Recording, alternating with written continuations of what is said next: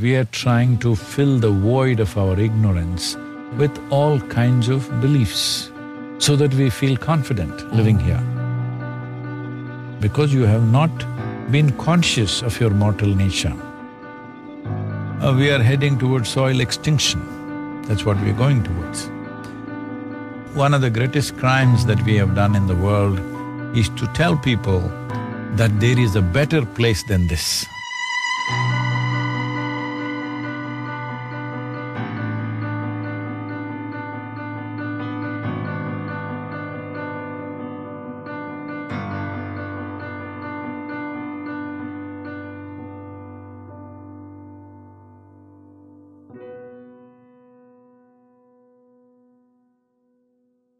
I'm so honored today to be sitting next to Sadhguru, uh, the yogic, mystic, visionary, also the founder of the Isha Foundation.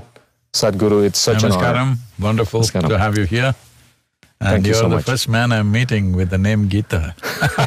Not a female, unfortunately. no, no, usually female names are spelled with double E. Yes. This is proper Gita itself.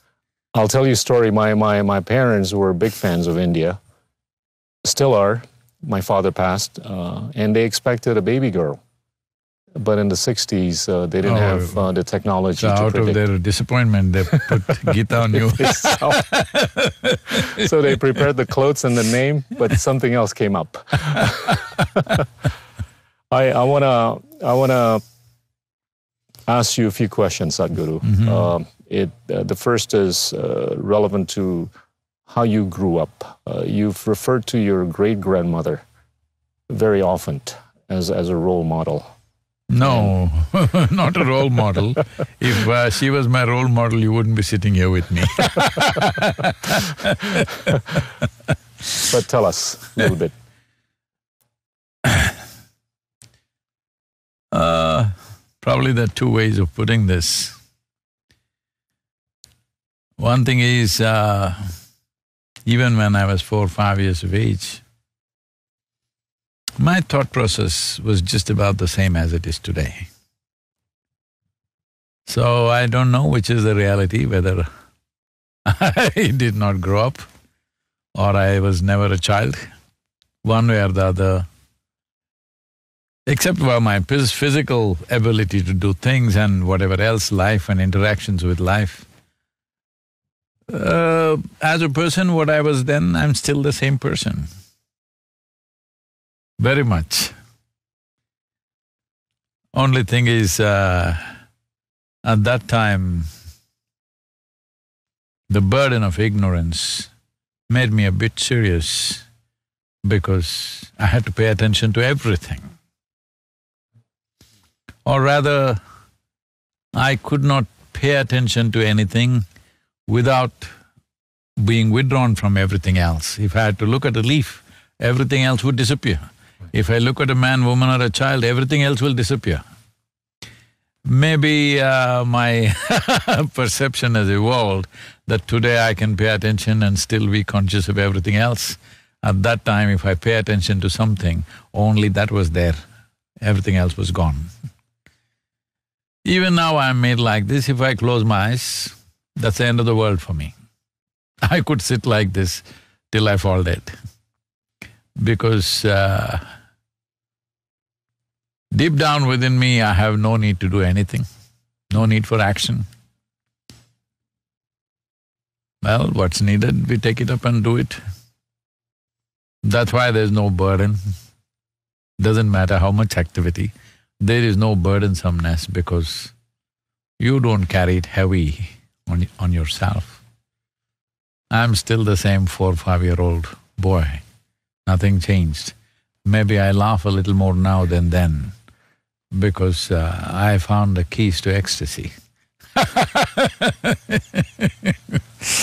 You've uh, you've put premium on ignorance more than knowledge. It's it's rather contrarian and counterintuitive. Well, it is not. It is just that people twist and turn through times. See, in the Western culture, for example, because we are here, I'm talking about this.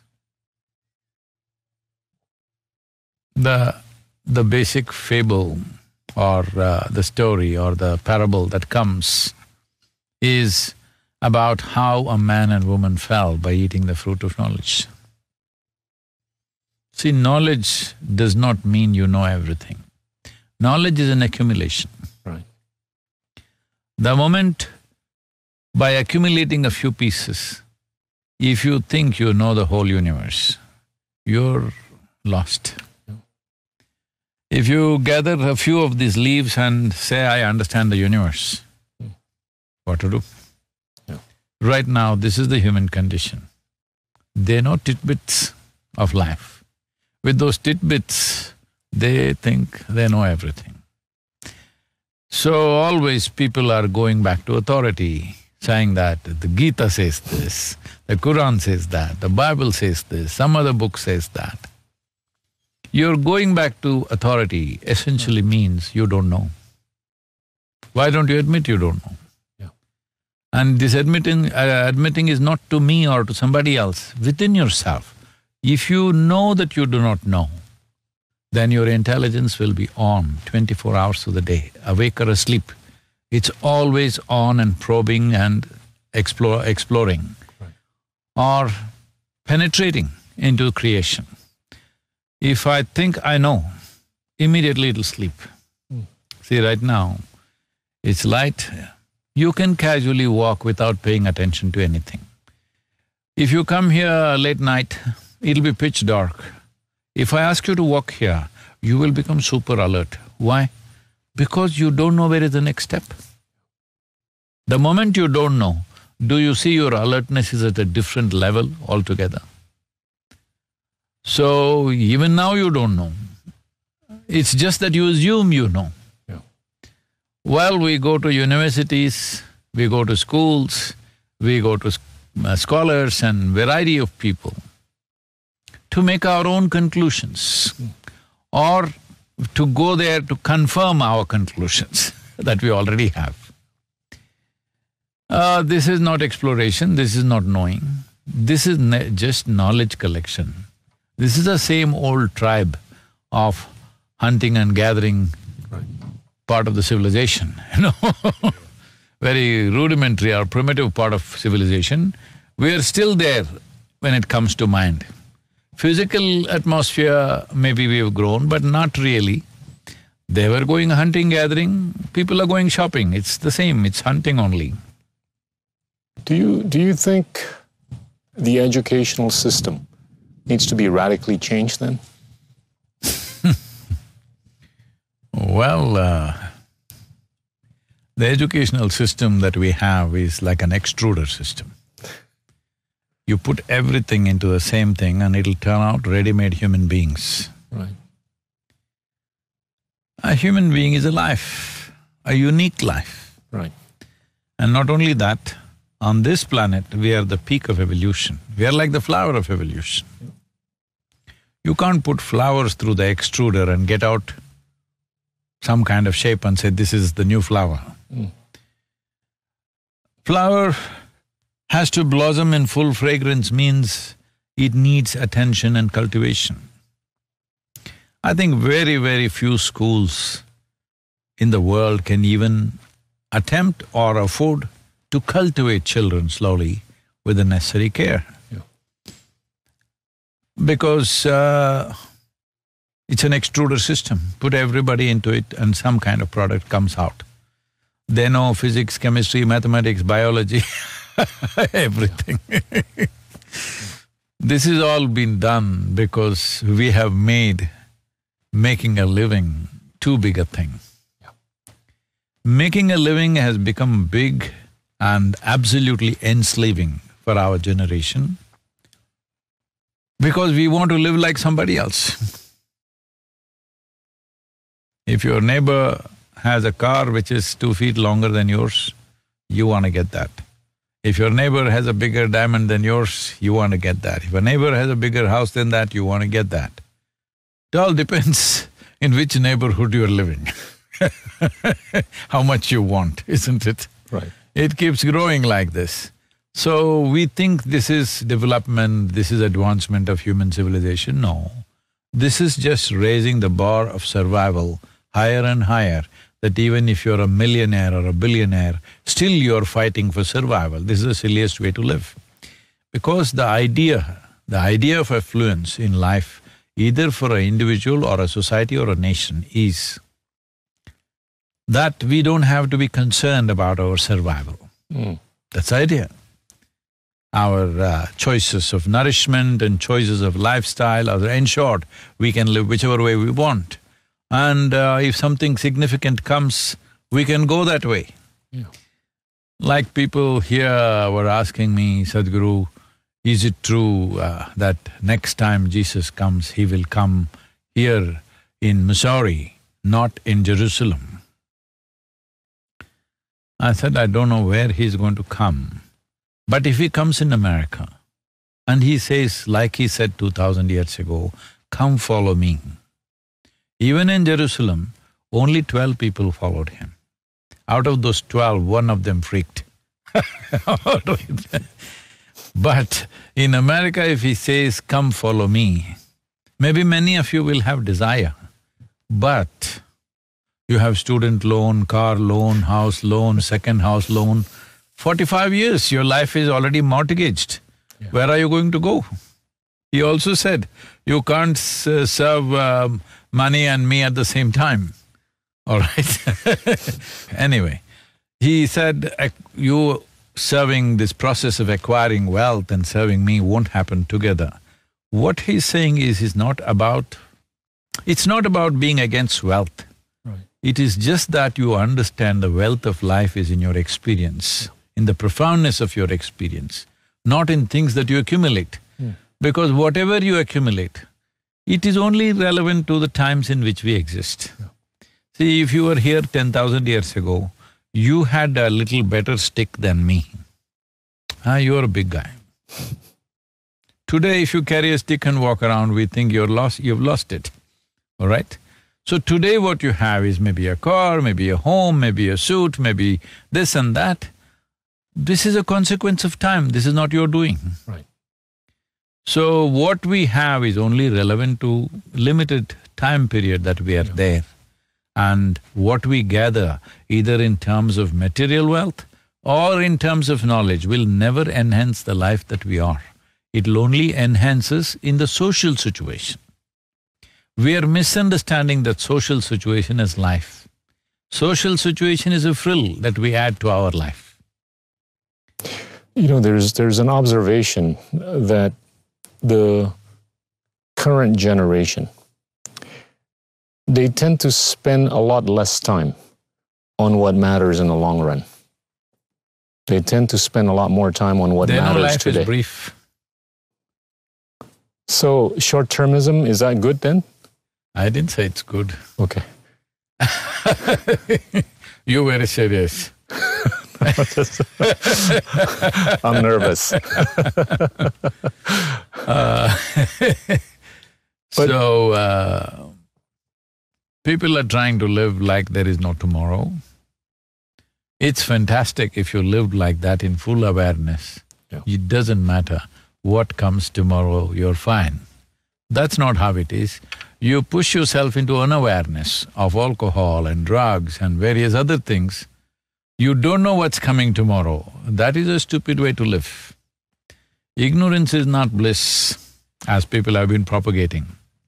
See, if you jump off a cliff, it's really wonderful, you know. Have you ever done uh, free diving, free fall diving? No. You should. It's most wonderful, Liberating. liberating, beautiful, because you don't know whether you're going up or down simply or floating up there in the space. Only thing is, if you look down, the damn planet is coming at you at great speed, that's the only problem.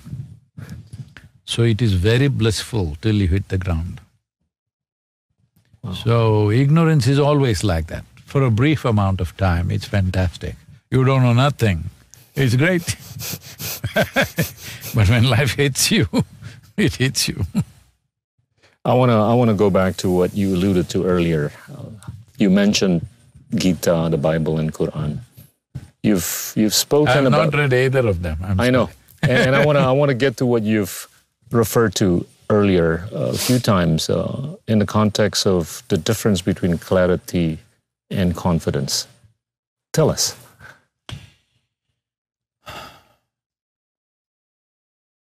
Well, I'll go back to the same example. Right now, if I ask you to walk from here to there, do you need confidence? If you have two legs, you'll walk. But if it's pitch dark, if I ask you to walk, you need confidence. So your confidence is a bridge to cross the chasm of darkness that you don't know. It can work sometimes. You can shout your slogan, whatever your slogan is and um, go. Maybe you will cross or maybe you will sink. Well, if it works fifty percent of the time, you… most people think they're successful if they're successful fifty percent of the time in their life. That's why they decide everything with a coin. Heads, I do this, tails, I'll do that. See, if you're successful only fifty percent of the time, there are only two professions for you. Either you must become an astrologer or a weatherman. These are the only two professions where you can be right fifty percent of the time and still keep your job. In any other job, if you're fifty percent of the time wrong, you're fired, isn't it? Yeah. So, confidence is a bridge across things that we do not know. Clarity means you see things as they are, you don't need a bridge. You know how to navigate. Nor do you need confidence because you can see what is there, so what is the problem? So instead of enhancing clarity, we are building confidence with belief systems and philosophies and ideologies. A man who thinks he is very confident is naturally violent. No, they can't approach anything gently. People don't understand this. Whether it's a football game or a tennis game or anything that's happening, people are in this mode. Well, right now they may not be punching you, but there is an urge for violence. You're seeing a game itself as a catharsis for your violence. No, there is another way to approach it and function at your highest level because there is substantial medical and scientific evidence to show you that your body and your brains will work at their best only when there is a pleasantness of experience. If you're mm. blissful, your body and your brains will work at their best. For success of any physical activity, sport, music, art, business, whatever it is, how well you can harness this body and this brain is the success, isn't it? It's the basis of success. So, if you think there is a substitute for clarity, you will move from making plans to depending on predictions. Hmm. This is the difference between success and chance. A lot of people are successful by chance. The coin fell the right way. But they live in the fear of losing it all the time. They're successful, they're fearful. If they're not successful, of course, all the trouble. a, a growing number of people around the world seem to think that the world is getting darker. Does that mean the need for more confidence as opposed to clarity? I don't think the world is getting darker. Okay. Maybe they looked up in the night. with with you know some of the things that are not showing any signs of peace in some parts of the world. See, just look back and see. You're from Indonesia. Hundred years ago, what was happening in your country? Oh, yeah. Two hundred years ago, what was oh, happening oh, yeah. in your country? What is happening today? Which is better, tell me?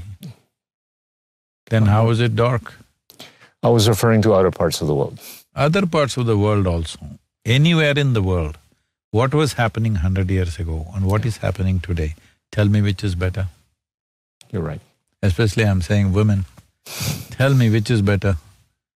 For the women of the world, it's never been as good as it is today, ever before in the history of humanity. Because the world was largely dependent on man's muscle to do everything.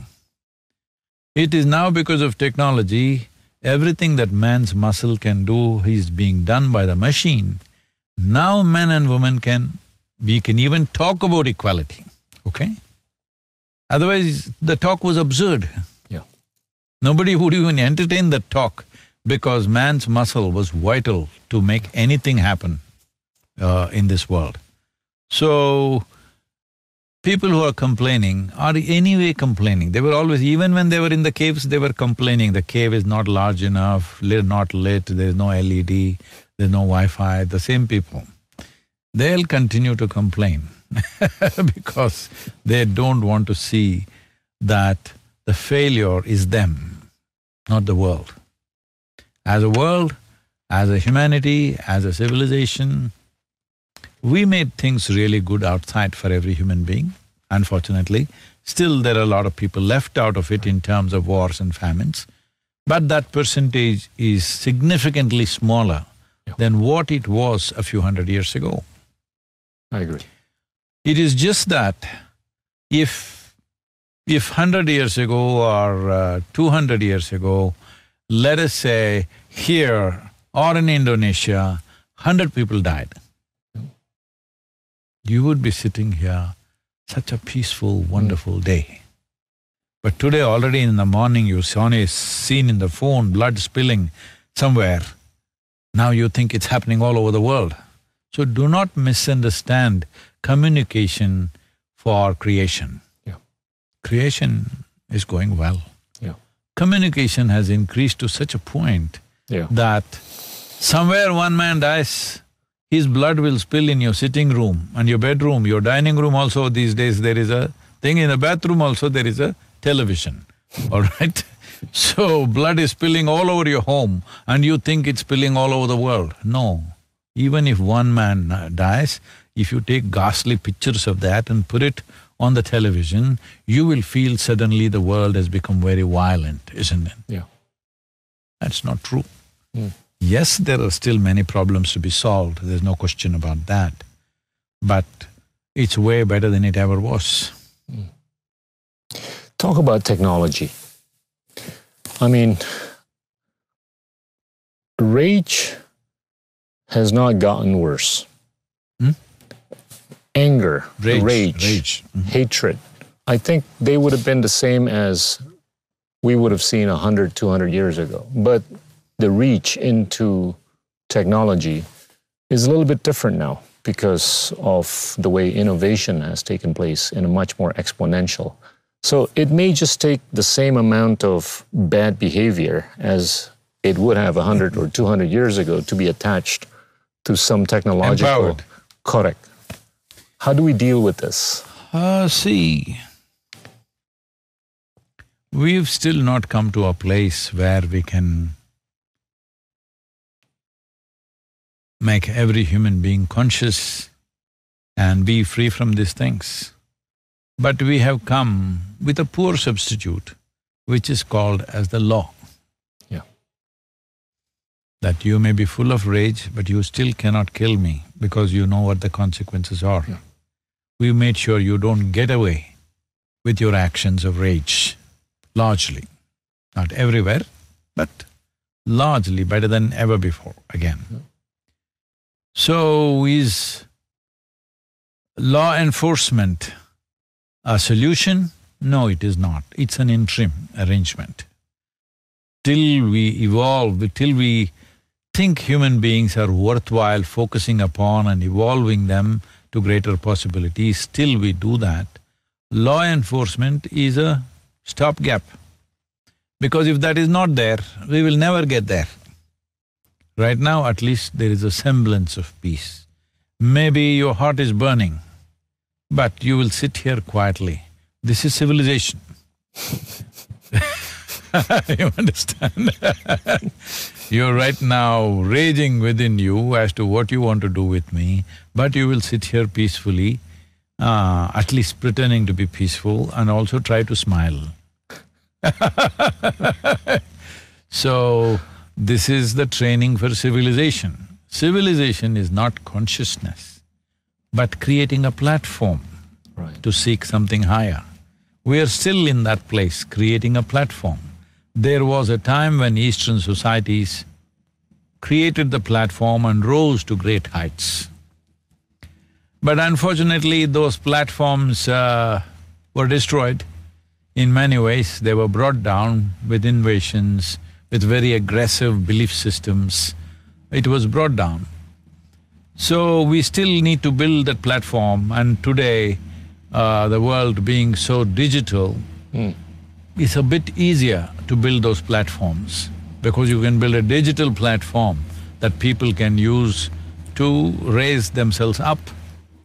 Raising human consciousness is the most important thing to do, but the platforms are needed. As a part of this, you know, I'm not a real estate person. For me, my real estate is in the minds and hearts of people. But now uh, suddenly we are building a spurt of centers around here, we're building a whole spiritual city.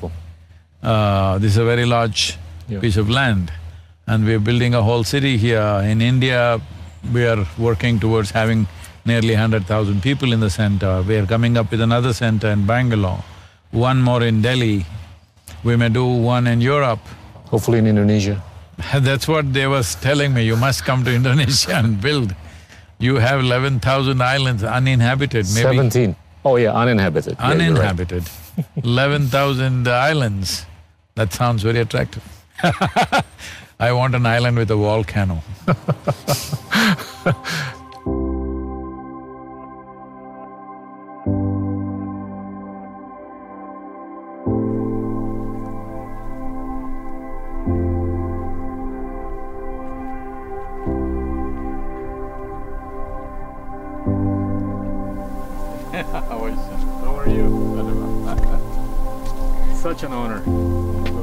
A big fan. Yeah, yeah, yeah. We took a red eye from SF. And... I want to ask you about social media. I'm, I'm sort of in a camp that believes that social media has done more harm to humanity than health or good at the rate that many of our kids, or even older than those, are spending nine, ten hours a day on their mobile phones. I wish they could spend the same number of hours here, you know, listening to you, if not more than 10 hours a day. I think that could be better for them. No, they're view on this? listening to me on the social media. Partly, but not the whole 10 hours, unfortunately. Uh, it doesn't matter what they're watching, here and there Sadhguru pops up these days. I know, I know. but generally, what, what is your view on, on the role of social media on humanity? So it's one of the greatest things that have happened to human beings. In the sense, see, right from ancient times, many great beings have come. When they spoke, hardly ten people could hear them. Yeah. Today you can sit here and speak to the whole world. When was this ever possible? We are the first generation experiencing this. And we are complaining about it because we don't know how to use it. Well, this is not just about social media. Let's take the advancement of science and offshoot of technology. What has science done to us? It is one of the most wonderful explorations that human beings got into. But what has science done to us? Threatening the whole world. If at all, if anything destroys, it's our scientific and technological capabilities that destroy this world, isn't it? Right. So, is science bad? Is technology bad? Is social media bad? No. This is why I'm saying as we get more empowered, we need to focus equally on evolution of individual human beings. We have a extruder system in the education, everybody falls out as a lump of something. And then you expect empowerment to be an advantage? No. Empowerment is a terrible thing if it's in the wrong hands. Right now, that's what is happening. The cutting edge science and technology is all going into military usage. Correct. So at this rate, now they're talking about weapons where they can just kill only the human beings, even the cameras won't be damaged. So, this is the best thing to do. You drop a bomb, just the human beings die. The buildings are in place, computers are in place, everything is in place for you to come and invade a nation or invade a city or whatever, all right? So, why are we going into this? Because we have empowerment in the wrong hands, unevolved hands, okay? If you give a gun to a monkey, it'll shoot just about anything. That's what we are right now. So, all empowerment we are thinking is bad because it's in the wrong hands. So, instead of improving the quality of the one who holds these uh, instruments of empowerment, we are thinking those instruments are bad. No, social media is a fantastic thing. Science and technology are one of the most fantastic things that have happened to humanity. But human beings are not evolved enough Yeah. to handle such powerful tools and they are messing themselves up.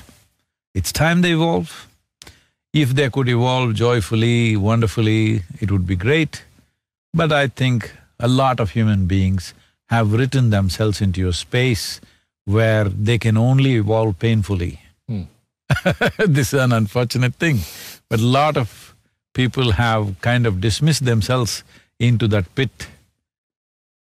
So this is why we say yogaratova bogaratova. Somehow, through discipline or through chaos, through yoga or through boga, somehow grow. I see. as long as you're growing. Doesn't matter if your way is painful, what can I do? I would like to see it's joyful. But if your way, you will grow only with pain, do it. How can I stop you? Is, But it- grow. is there a way to enrich the evolutionary process so that you can avoid or prevent those guns from being in the hands of the monkeys? See, a lot of these were monkeys, now they all… I'm sorry.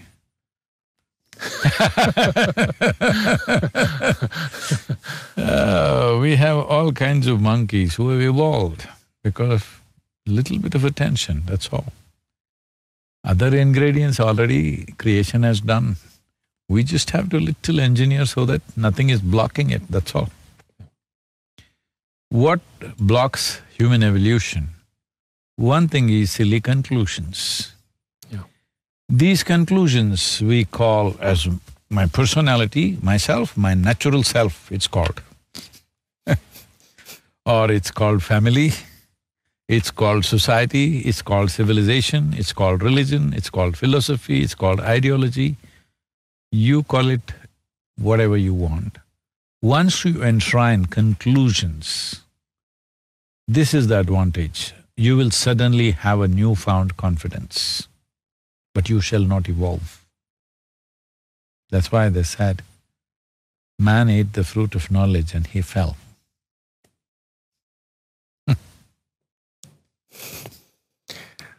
I wanna, I wanna try to follow up on this. You know, in the old days, until now, humanity has been searching for salvation, right? And then recently, they've been looking for inclusion. Now there's a sense that tribalism is on the rise, meaning, let me worry about my own zip code let me not worry about the next zip code. Is that good or bad?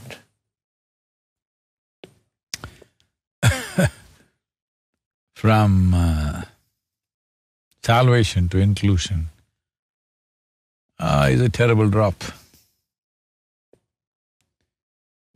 Because all those people, whether they're joyful or miserable, they're breathing, isn't it? Yeah. If you have to breathe and live, or if you don't breathe, you will die, when you know this, Isn't breath an inclusion? Everything here has included you, otherwise you wouldn't be alive. Hmm. What you eat, you digest. Is that not inclusion? Yes. The world Yeah. has held you as a part of itself. Correct. Otherwise, you wouldn't exist here for a moment. Yeah. So inclusion is they want somebody to tell them every two hours, I love you, I love you, okay? That is a psychological malice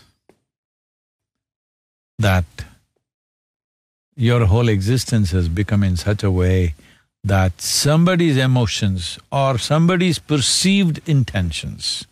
See, these days, uh, your spouse may just train Alexa to tell you every one hour, oh, Gita, I love you.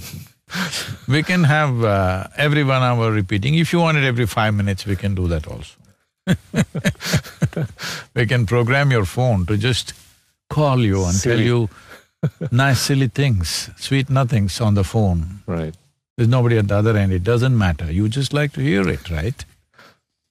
So I'm saying this sense of wanting to be included in a club or a co or a small group of people or the local gossip group or whatever is, uh, you know, depravity that is setting in Correct. because we are empowered with, with things that we don't know how to handle. It's like if you give a full-blown car to a child, he's going to kill somebody or himself. Not because he's evil, because he just doesn't know what it can do. So that is the case of human beings right now, so they are looking for inclusion to have some sense of security. Salvation means you are not looking for security, you're looking for dissolution. Hmm. Because you understand the nature of your life essentially is constructed on the foundations of mortality. You've come with a limited amount of time and energy.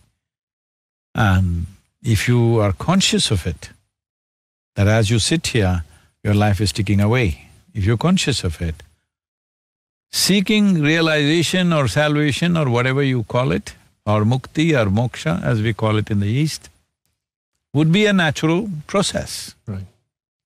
Because somewhere in your mind you have become immortal. You think you're going to be here. These five people who are sitting here are very needed right now. Without them you can't exist. Somebody has to tell you, I love you, I love you every three minutes. Otherwise you will feel lost because you're not looking at your life with the right context. The context of life is this, from the day you're born, it's ticking away. So should I sit here and worry about my death? Who's talking about worrying about anything?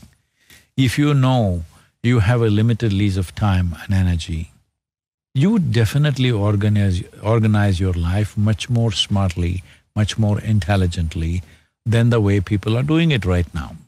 Doing all kinds of rubbish which doesn't mean anything to them. As I was saying earlier, well, if Jesus comes and says, come follow me, your banker says like this, you go there, not here, all right? So what… when I say Jesus, I'm not talking about a man or a religion. I'm saying something that you consider as super significant. Even if that comes, you can't change the course of your life, means you're ruined. Right. You're going this way thinking this is it. But if you saw something really significant, you must be able to change the course of your life. If you cannot do that, you are ruined already. You don't have to wait for the result. Wow. Last question on technology before I proceed to the other topics. Artificial intelligence. Are you worried about it? Why would I be? you know, Because last uh, it, it, it kind of gives me the sense. pre-pandemic time, they went on inviting me to all these artificial intelligence conferences. So I was in SPIEF in uh, St. Petersburg Right. and uh, they all questioning me about artificial intelligence. I said, hey, why are you asking me about artificial intelligence? I'm a natural intelligence, not artificial. Why? they're all academics. I'm sorry, I'm not saying this with any of this thing. They were all academics. They're all saying if this comes up, we will all lose our jobs. I said, isn't it a good thing? isn't it a good thing there are no teachers in the world? Because that's the best thing that can happen to the world, is there are no teachers. No teachers needed means what? That means human beings are smart enough to know and learn by their own means. Isn't that the most fantastic thing to happen? Ignorance over knowledge. Huh? Ignorance over knowledge. Yep. Start with nothing and Yep. learn, yeah. So, uh, so I, I was uh, just telling them this. I remember in seventies, the Mumbai port was called as Mazagon Docks. I don't know if it's still called that. So at that time, the ships were being unloaded manually by men carrying sacks. Though they were very strong uh, unions of these coolies, they were called coolies, they had their own number plates, you know, license number, without that you could not enter the port. And there's lots of politics and uh, small mafia working around that and all this stuff. So when they wanted to set up the first gantry in the port, that was the first gantry. Big strike, all the coolies went on strike. What are we supposed to do if the gantry comes? On those days, uh, a ship of something like 150 to less than 200,000 tons, they would take 26 to 28 days to unload. And they were happy doing it that way because that much labor they got. When the gantry was fixed, today the gantries uh, that we have even in India and Singapore, wherever else, it can unload a ship of quarter million tons in less than twenty-four hours. So they, at that time, they all went on strike and fought that you can't put up this gantry, it's going to take our livelihood away. So essentially what they were saying is, this machine will make our muscles redundant.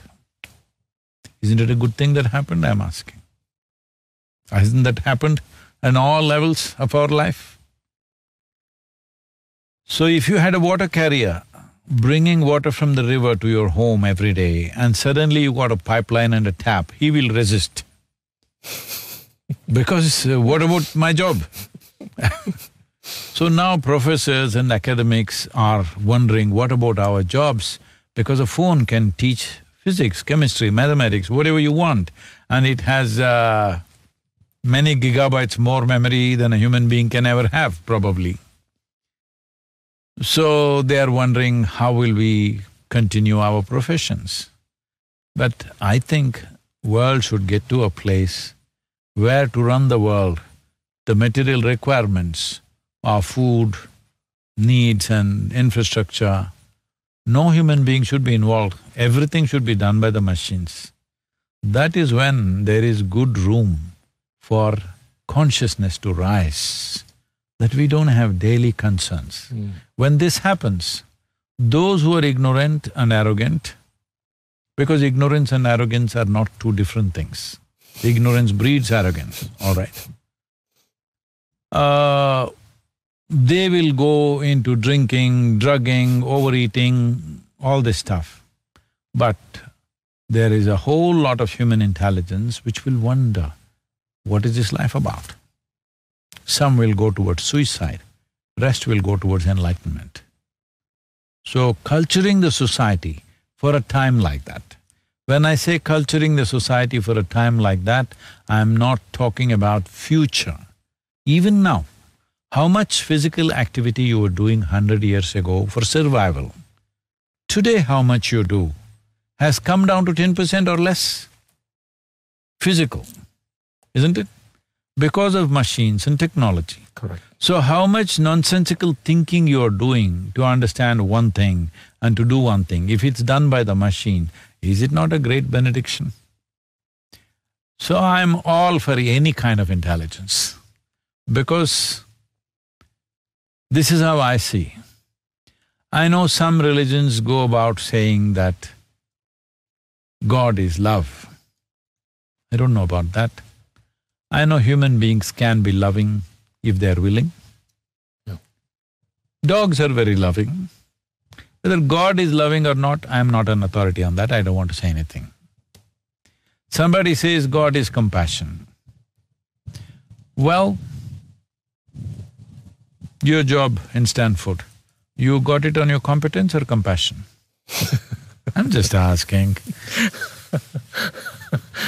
I don't have the authority to answer. I'm saying, would you like to get it on competence or compassion? The former. Yes. Yeah. So compassion is meaningful only if you've fallen. Yeah. If you're down for some reason, physically, mentally, whichever way, if I reach out, it's very valuable. Yeah. Suddenly my hand may look like God's hand to you when you've fallen, isn't it? But when you're standing on your two feet, you want acceptance, you don't want compassion, isn't it? Right. So people say God is compassion because they are in such desperate states. People say God is love because they don't have any love in their hearts. All these things which are human qualities have been exported to heaven. If you say peace, people say divine peace. If you say bliss, people say divine bliss. No, these are all human capabilities. Miserable people on the planet have exported it and now to import you have to pay from there. That is true. So, if it's just a, such a well thought out enterprise, I'll appreciate their entrepreneurship, but uh, not good for humanity. So, I'm saying, if all things that can be done by machines are done by machines, anything and everything, what would the human intelligence do? Naturally, it would seek salvation. Well, a few suicides may happen unfortunately. It should not. This is why we need to cultivate the society, orient the society. There is a way for a human being to aspire for something bigger than survival. Something bigger than physiological and psychological process is available. If you don't curate the society like this, then they will go to drink, drug, alcohol, suicide. These things will come because we have not cultured the society. Right now, that's what is happening in affluent societies. The youth are going these things because nobody has cultured them for any higher possibility. Mm. The only thing that's been done is selling tickets to heaven. The youth uh, don't want to go to heaven. If you say you want to go to heaven, they will ask you, is there free Wi-Fi or not? They're not interested in the old promises that were made about heaven, all right? They want life here. So that's a very good thing. It may look like short-termism, but it's a very good thing because I feel one of the greatest crimes that we have done in the world is to tell people that there is a better place than this. This is a crime against creation. There is no better place than this. Wherever you are, you may be in a desert, but still I'm telling you, there is no better place than this for you. Yeah. You must make this into a wonderful space to live. It's very important. Yeah. I've not seen whole of Indonesia, at least Bali. Bali, what we have seen. Oh, uh, you must is- come again. Is, is cultured, Yeah, is cultured for mukti. correct. India largely was like that, but today we are uh, trying to be more American than American, we are trying hard. so, uh, to culture a society, this is the work that we are doing. To culture a society, not about preaching religion, not about teaching scriptures or some ideology or belief system. To culture a human being that if you're willing, there are possibilities beyond physical and mental pleasures and comforts. I want to move on to what you've been busy with recently. You've been riding the motorbike all over the world, and you've gotten a lot of people excited. Safe soil. Tell us. They got excited because I… they thought I'm killing myself. But but tell the world what your mission is. At least the Indonesians and Southeast Asians, what you've been up to. well, one of your uh, stars uh, was very much a part of Save Soil movement. What was… what's her name? Lin Shah. Raline Shah has been uh, participating in Save Soil. She's been a big support and she also came all the way to Dubai to ride with me for a short distance. But uh, for a beautiful young woman like that, it was too hot. Did you comply with the speed limits or? Speed limits in Dubai are good, 160 kilometers per hour. It's 100 miles. It's okay. Uh, but uh, because in some places I was going with the security and the security were excited, so they were driving at 240, 245 kilometers per hour, so I, I was happy So, uh, about uh, Save Soil, I've been talking about soil for over thirty years now. I've spoken to regular common people, I've spoken to a lots, thousands of farmers, I've spoken to bureaucrats in various ministries, agriculture ministries, environment ministries, various ministers in many countries, some of the heads of state. Everybody says, this is fantastic, this is very important, this has to be done.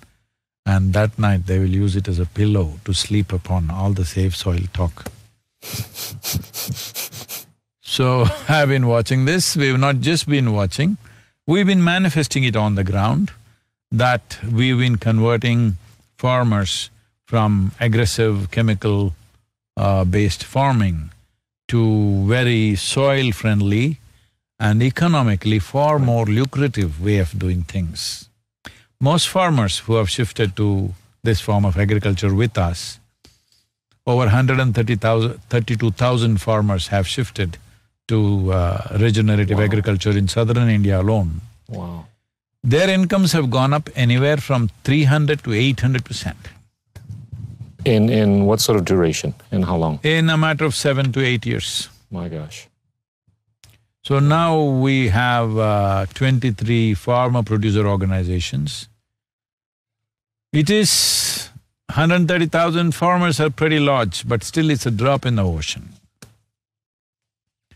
So I saw that we can do any number of projects, but the important thing is the global policy has to change. Right.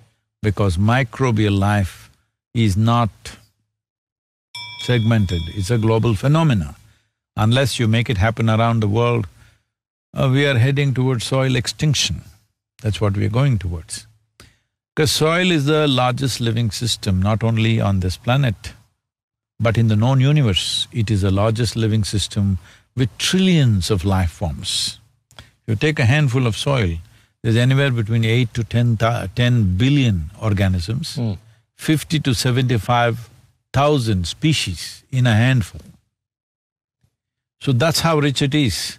But we have been systematically starving them to death. When I say starving them to death, here you see all this leaf has fallen at this time, it will stay here and uh, in a month's time there'll be a snowfall.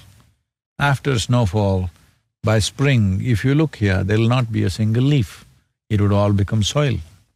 So here the organic content could be anywhere over fifty to fifty-five percent. But the minimum organic content that is necessary to call soil as soil according to UN agencies, is three percent, minimum most. Oh my gosh. Three wow. to six percent is good. But not a single nation, not even a single nation has an average of three percent. The highest that you find is in Northern Europe, which is 1.48 percent. Hmm. Southern Europe is 1.1 percent. Average across African continent is 0.3 percent and United States is 1.25 percent. India is 0.68 percent. Below one percent is considered desertification. In the last twenty-five years, we have lost ten percent of the earth's land to deserts. Wow. Ten percent in twenty-five years. And that could increase significantly in the next ten to fifteen years' time because if the… this is something I think generally not being addressed, that is, if the temperatures go up by one degree,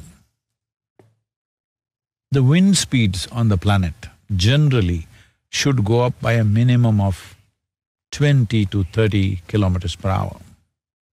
If it goes up by two degrees, it will go up thirty-five to forty kilometers per hour.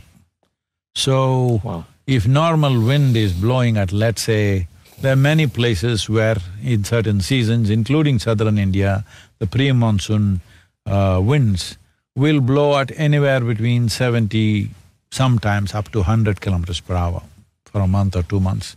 Almost in large parts of the world, it's like that. If it picks up to 125, 140 kilometers per hour, then the amount of soil it'll shift is enormous. You know this in United States, that there was something called as a dust bowl in the thirties. The entire soil, not entire, a large part of soil, Right. millions of tons of soil from the prairies went and landed in New York City. They thought it landed in New York City because the building stopped a certain amount and heaps like dunes came up in New York City. But you could never calculate how much of it went into the ocean, right? Topsoil, which takes six hundred to eight hundred years to cre- create one inch of topsoil. Mm. But that is getting blown away. As the wind speeds increase, it'll get completely blown away, especially in islands like yours, with our thin strips. Right. The whole island could be in the ocean in a matter of fifty years' time if you don't Or less. I'm saying if you don't take care of the vegetation, if uh, I hear that in Indonesia from eighty-seven percent, it's come to some forty-two or forty-three percent forest cover. Yeah.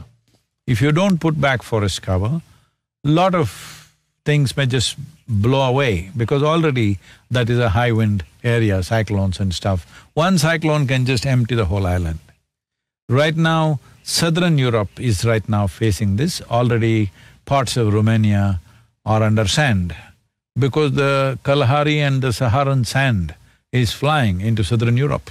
It's not only the people coming, the sand itself is coming Immigration You can't stop it, you can stop the people by pointing guns at them, but the sand will come.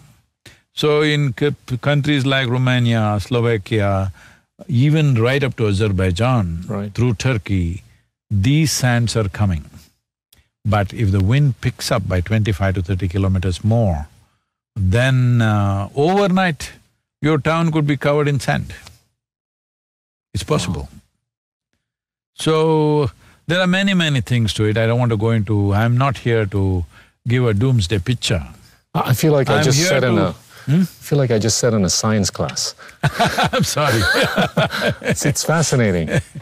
So, I, I'm not here to paint a doomsday picture. The reason why I am into this is because if we act now as a generation, we can very easily turn this around within the next ten to twelve years' time. But that we need government policy, otherwise large-scale action will not happen. And for sustained action, you need government policy. Yeah. Fortunately, me, uh, you know, the reason why I took to this motorcycling is uh, from London to southern India, thirty thousand kilometers in one hundred days. I did six hundred and ninety-one events along My the way, gosh. average nearly seven events per day. My. How, how long of a drive on a daily basis? 18, 20 hours, some days twenty-four hours, through the night. Oh my gosh. And how many of you were riding? Only me, single motorcycle, support uh, vehicles were there. Wow. The… our radio team was there, that's why they've captured many things and there were support teams, media teams and stuff. But otherwise only one motorcycle. The idea was a lone motorcycle. Because uh, I've been talking about it for over thirty years, people have been sleeping on it.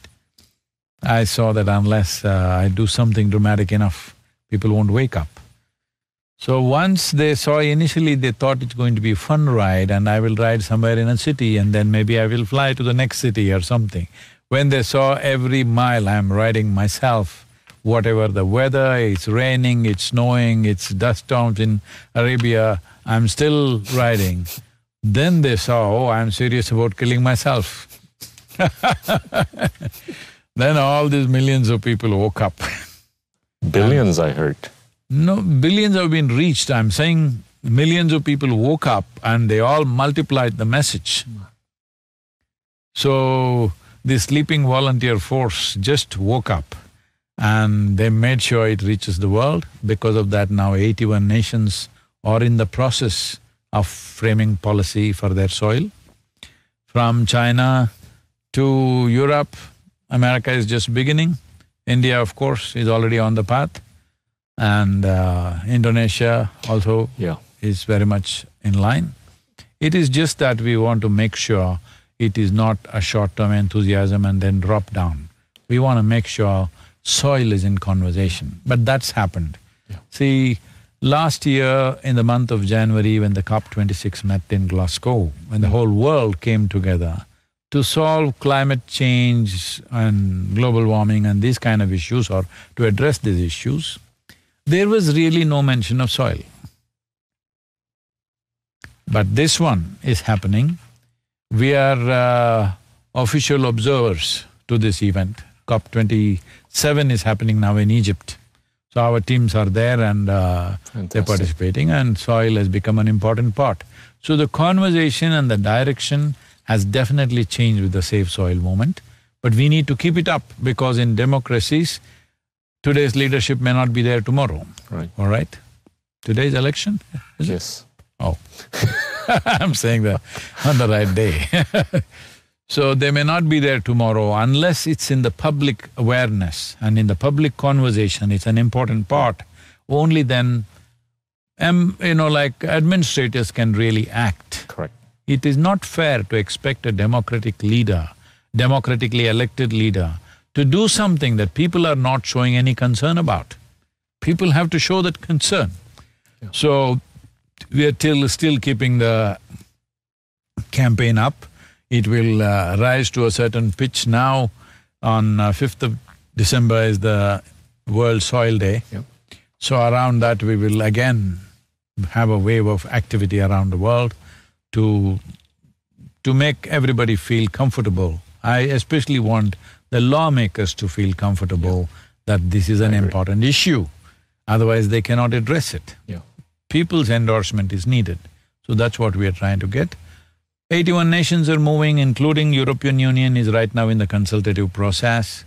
China has started the uh, soil survey after forty years break. India has already invested two point four billion dollars towards the, the soil for the last year. And this year they will, uh, you know, February there's a budget, let's see how it goes. Uh, many countries have started moving in this direction. Commonwealth nations, fifty-four nations are looking at framing policies. Every nation may not be able to go at the same pace because of their economic and other conditions, but it doesn't matter, we must start the journey. We must start moving towards a solution. In eight to twelve years, entire world, you can bring it to a minimum of three percent Wow. quite easily if there is a incentive-based hmm. policy. Yeah. The policy is three-pronged. One is government incentives to incentivize farmers to go for it. Second is we must may simplify the carbon credit Right. to be available to the farmer. Right now, it is very difficult for the farmer to get it. Third is there must be a market recognition. When I say market recognition, today if you go to any shop, at least any of the fancier shops, they will shove an apple in your face and say, this is organic. Then you must ask them, please give me an inorganic apple. They don't have one. Good. So organic is just a marketing jargon. I see. What is in it, nobody can measure. Hmm. See, to take this apple to the lab and measure how much insecticide or fertilizer is actually present in it is a very complex process, you cannot do that. It's… it's a research project, okay? Got it. So now, we are looking at how to focus on the organic matter in the soil, which is easily measurable in ten minutes. Right here on the land you can measure. So now if an apple comes, we want it definitive that this apple comes from three percent organic content soil.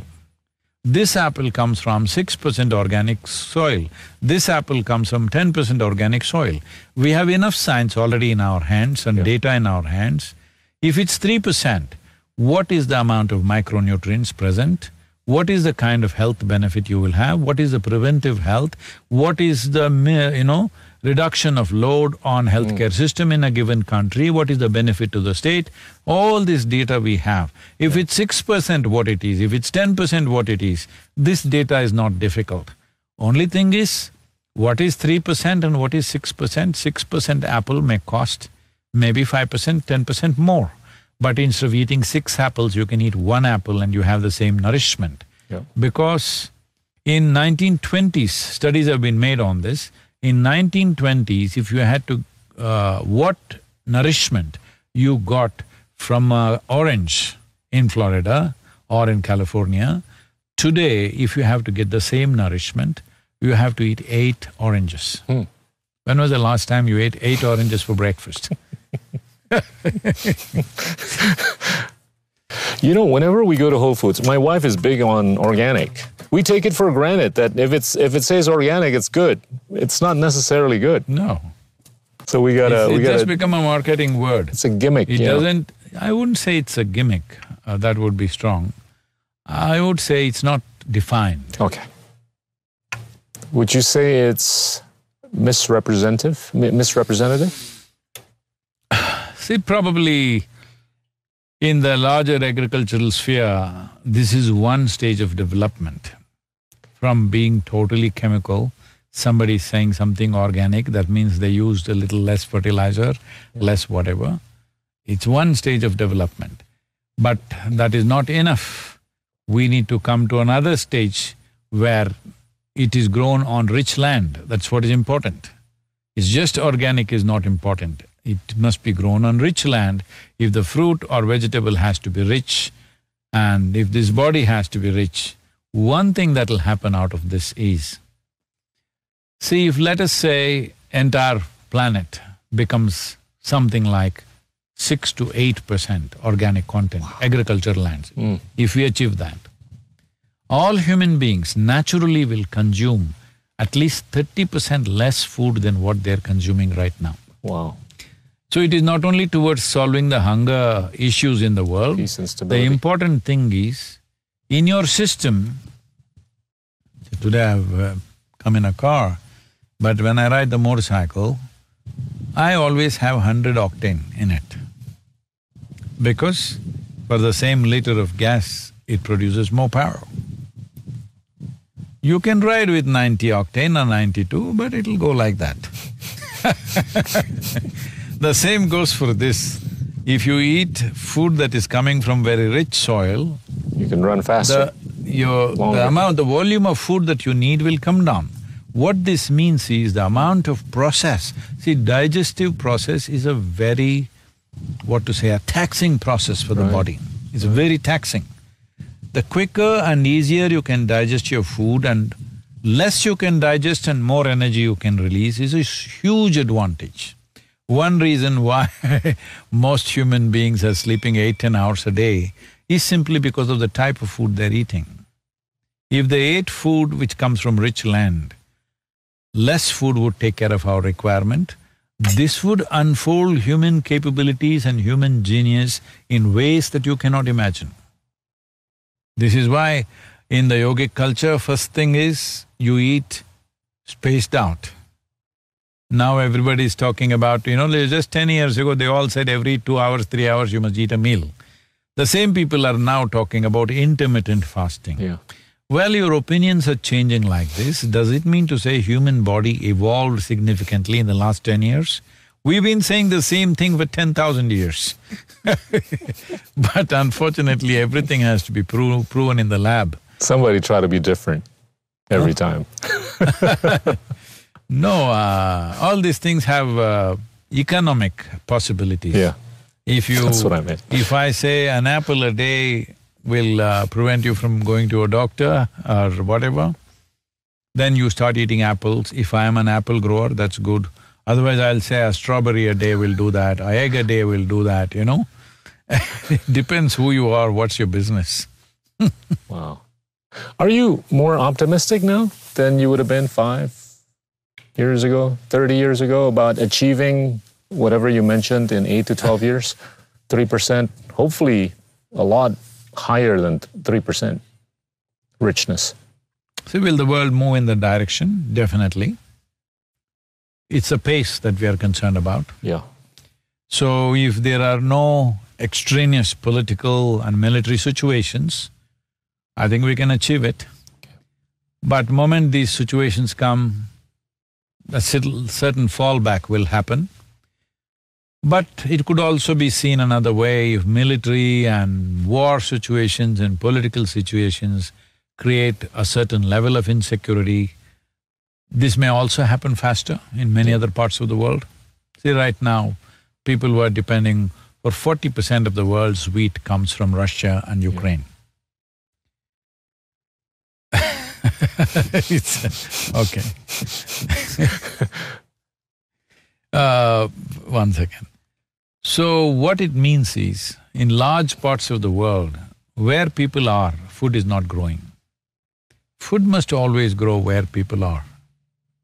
One exotic fruit, you can bring it from uh, New Zealand and eat your kiwi fruit. But general diet must be growing where people are, at least within a minimum radius. Right now, your food is coming from somewhere else, from another continent. This is not the way to structure human societies because this will lead, lead to enslaving societies, this will lead to all kinds of exploitation. It may end up with a terrible famine and mass deaths very easily. Food must grow where people are, at least the basic food. Now, am I trying to destroy the international food industry? No. No. But basic food in food that we need must grow where people are. If we don't take care of that, we're going to pay a heavy price. It can happen anytime.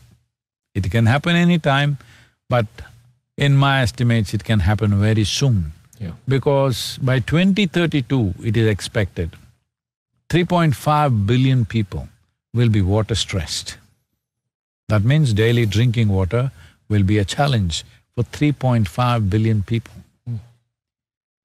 If let us say five percent or ten percent of the population in your city, wherever you live, have not had water to drink today, do you think you're safe on the street?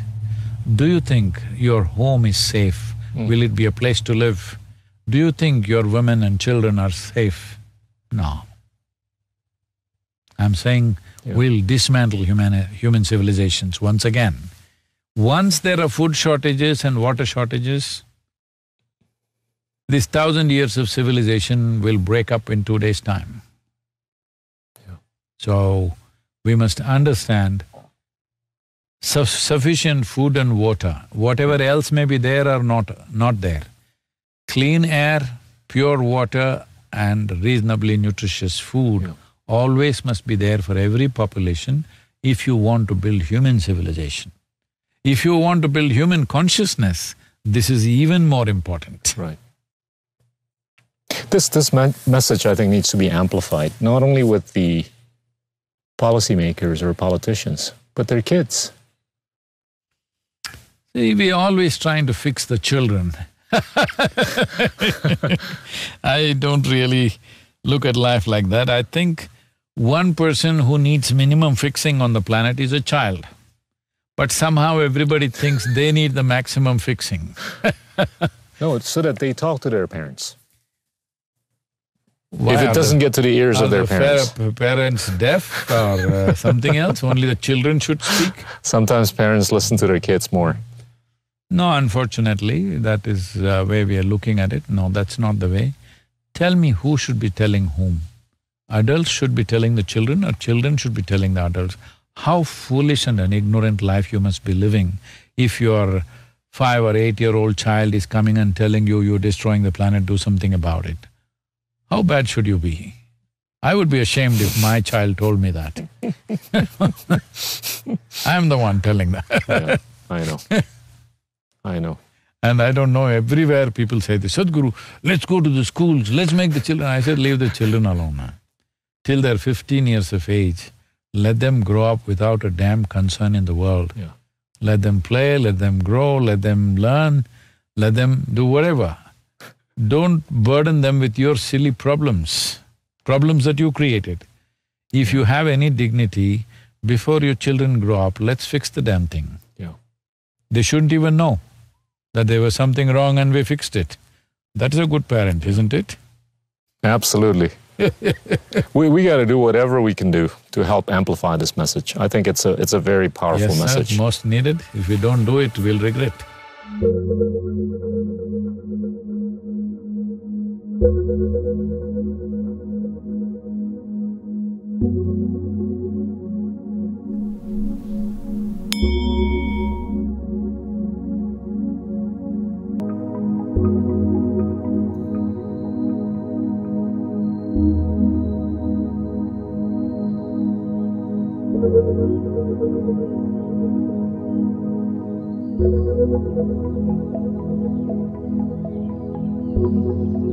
I wanna I wanna move on to a different topic. Uh, you know, the Greeks had a term called Stoicism. you have a term called yoga.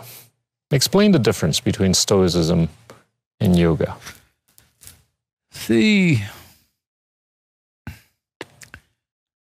uh, being stoic is keeping a certain length of distance from what's happening around you and uh, acting a little peaceful.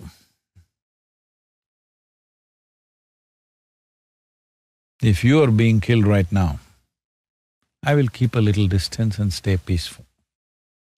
If that's happening to me, then how do I keep distance? if you can be stoic about your own death and torture and whatever else that happens, fantastic. I am stoic about other people's suffering. This is no good, you have just mortgaged your humanity. Yoga is not about that. The word yoga means union. When I say union, say, uh, right now that is you, this is me. That means that's your body, this is my body. That's your mind, this is my mind. No way these two things are going to be one. But suppose if I die tomorrow, they'll bury me somewhere here and you will die after hundred years. Suppose they bury you here. Your body and my body will have no problem becoming the same soil, isn't it? Hello? Yeah. So even now, it's the same, essentially same material. Mm. But in our minds, we have these silly ideas, okay? So I'm saying you're already in union with everything. You're breathing, you're one with the atmosphere, isn't it? You're eating food from this earth, you're one with the earth. You're one with everything, but it's not there in your experience. The method of bringing that into your experience, the method of consciously obliterating the illusory boundary of your individuality is yoga. This is not a philosophy, this is not an attitude that you take about others. This is coming to experience reality as it is. When I say reality as it is, is it true that your existence is not individualistic here? It's only your ideas, your thoughts and your emotions are individualistic. You can't exist here for a moment without everything else. This is what we're talking about Save Soil means without those microorganisms, which is the foundational life for your existence, you cannot exist without them. Maybe you can't see them, but without them you cannot exist. Yeah. What you exhale right now, the trees are inhaling. What the trees exhale, you're inhaling. It's already one. One half of your lungs are hanging out there, but you don't experience it. But if you did experience it, after that, do I have to tell you, don't cut this tree, don't harm this, pre preserve environment, nonsense? Do you need any teachings? If you experience it as a part of yourself, you will do the best you can do, mm. isn't it? Mm. So this is yoga, it is not an attitude, it is not a philosophy, it is not an ideology. It is just obliterating the boundaries that we have created for mm. survival and knowing life the way it is. Wow. You know… So we are not stoic, we are super involved but still untouched. Yeah. I'm into everybody's lives, but still untouched. Not… I'm not keeping a distance. Yeah. Absolutely involved, yeah. but still untouched. It's… it's… it's been an amazing conversation. You know, I drove here I drove all the way here to the middle part of Tennessee. Why in Tennessee? Because I'm here. See, uh, at that time, most of our activity was happening in northern part of United States, in uh, right. in Michigan, Illinois, Ohio. This is where our activity was. When we thought of setting up a center, mm, I looked around, I drove around a little bit in the country. Motorcycle or in a car? No, no, at that time I was driving. For almost thirty years I never rode a motorcycle, it's only now I'm back on. so, uh, when I saw the country and various other things, also in this region, I experienced something somewhere close by here. And then I started looking up about the geography and whatever. This geography is very interesting and uh, as you can see, it's fantastic. If you had come here two weeks ago, this land was like painted. It's beautiful, the foliage, colors. yeah. Fall, fall uh, colors were so absolutely spectacular. So, uh, terrain-wise, it's perfect for our kind of thing. And another reason is uh, we wanted a large acreage of land because we are not one of those popular pop spirituality which pops up in a city, cater to the city folk and whatever. Here, if you want to pursue something seriously, that's when this is relevant to you. If you want to do pop kind of spiritual process, there are many places. We can also, uh, you know, offer something digitally here, there, you do something simple, it's done. But if you are pursuing something, then you need an atmosphere. It can't be in the middle of everything happening. So the distance from the cities was ideal for us. We're just an hour and a half from Nashville, little over two hours from Atlanta, forty-five to fifty minutes from Chattanooga. So it's ideally located that way, terrain is absolutely beautiful. And uh, from where we are, within twelve-hour drive, is sixty percent of the US population. That was an important factor for me. Because even today when there are programs, people just drive overnight and come here or drive through the day and here by evening. Except for California, uh, what is that, um, Seattle and uh, that west coast. Right. Except that, everything else is reasonably within twelve-hour drive from New York to all these places. So that's an important part. Plus, uh, there is a certain history to this place, which also I wanted to fix in some way. So we are going to consecrate this part of the land significantly so that everything changes about it. Is there a special energy that you Not felt like about? that. This is… Uh, this is in a way we are very close to the beginning of what is uh, historically called as the Trail of Tears. Uh, I thought there was too much pain, it needs to yeah. go. Yeah. Let me ask you the last question, Sadhguru. That's what? sounding like a threat to me. No, no, no. This is this is a student asking a teacher. what what does happiness mean to you? and, then I guess there's a subset to this question. Does happiness mean differently to everybody? Is there a universal definition of happiness? See, uh, if you become pleasant in your body, we call this health. If this becomes very pleasant, we call it pleasure. if your mind becomes pleasant, we call it peace. If it becomes very pleasant, we can say you're happy or joyful or something. If your emotions become pleasant, we call this love. If it becomes very pleasant, we call it compassion. If your very life energies become pleasant, we call this bliss. If it becomes very pleasant, we call it ecstasy. If our surroundings become pleasant, we call this success. Only to make surroundings pleasant, we need to seek the assistance of other people, other forces, various skills to be gathered, all this to create pleasantness in our surroundings. But to make this body, this mind, this emotion and energy pleasant is one hundred percent your business, isn't it? So, instead of looking for definition of happiness, let me put it this way. Do you want your experience of life pleasant or unpleasant? Pleasant. Pleasant. How pleasant? as much as possible or fifty percent will do? Adequately pleasant.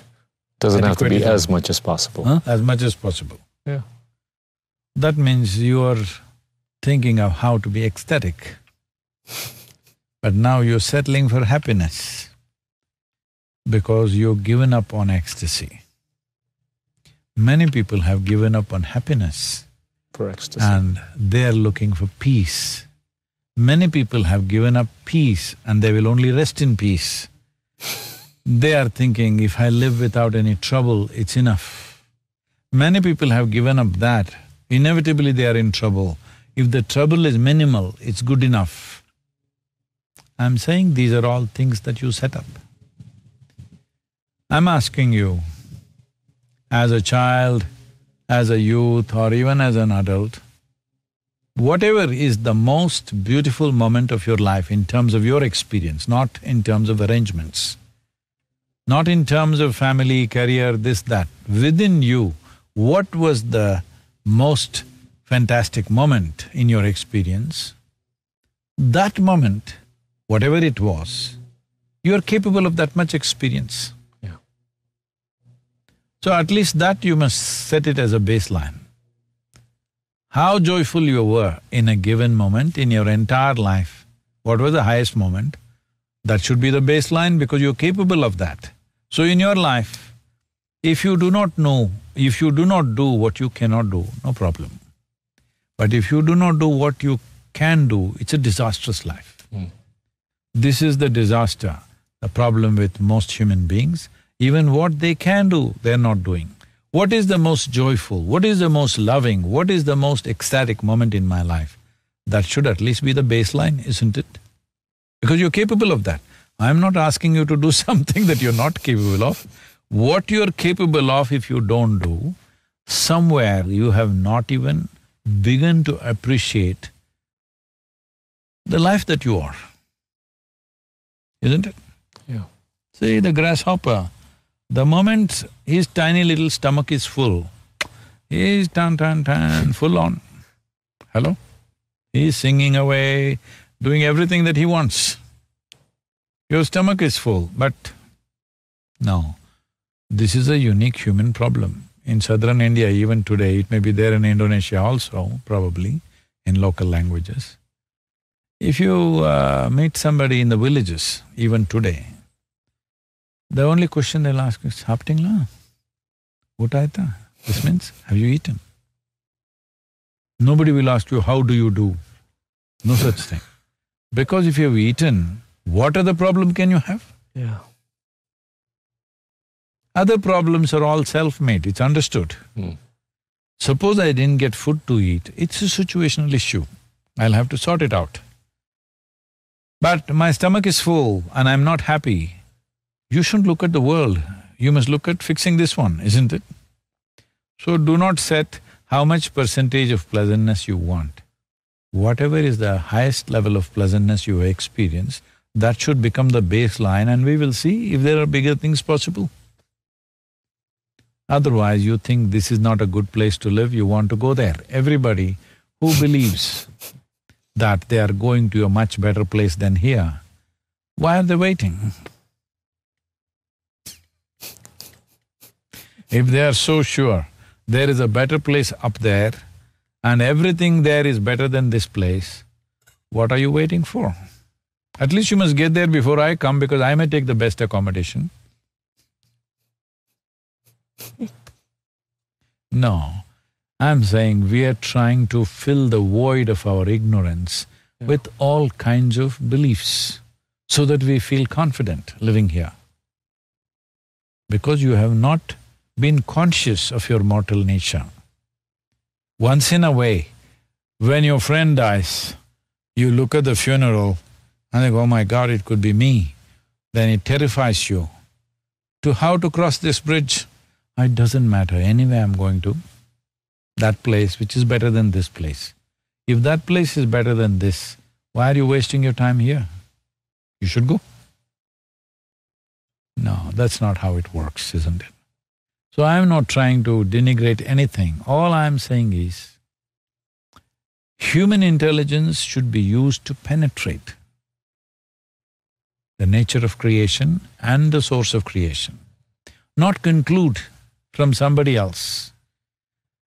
So always we are looking for an authority of a scripture, of a preacher, of a guru or somebody else who said that, or somebody who we think is God. You're looking for an authority because you have no clue what is the truth. If you make authority the tru truth, many ugly things will happen. Mm. Truth is the only authority. This is yoga no conclusions. Just seek, develop. You can only genuinely seek when you realize that you genuinely do not know. Then, if you realize I do not know and hold that awareness, seeking, longing and the possibility of knowing are not far away. It's right here. But we are closing the doors upon ourselves and claiming darkness.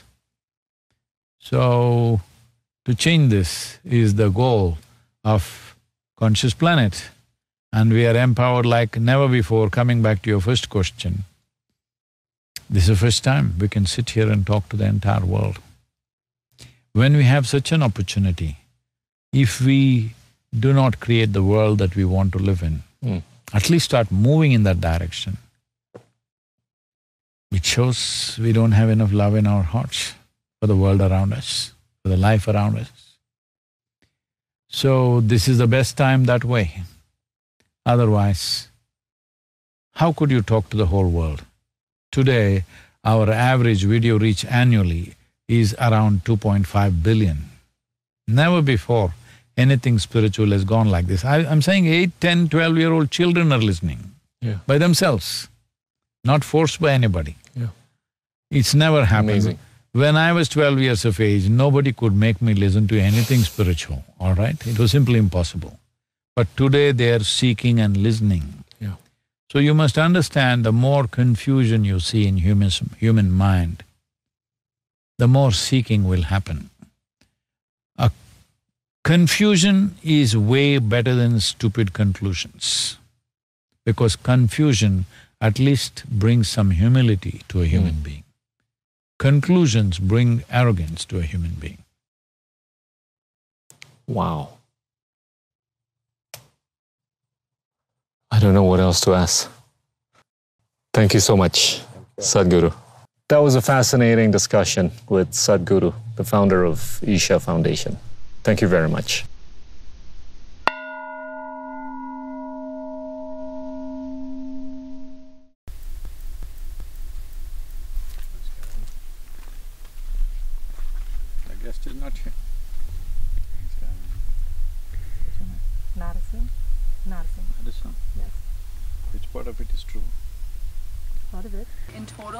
Like 150 okay. like uh, people staying here, and then. But the temperatures were uh, oh. over 50 degrees. Hot, yeah. Uh, well, right now they may not be punching you, but there is. So I was uh, there for one of the.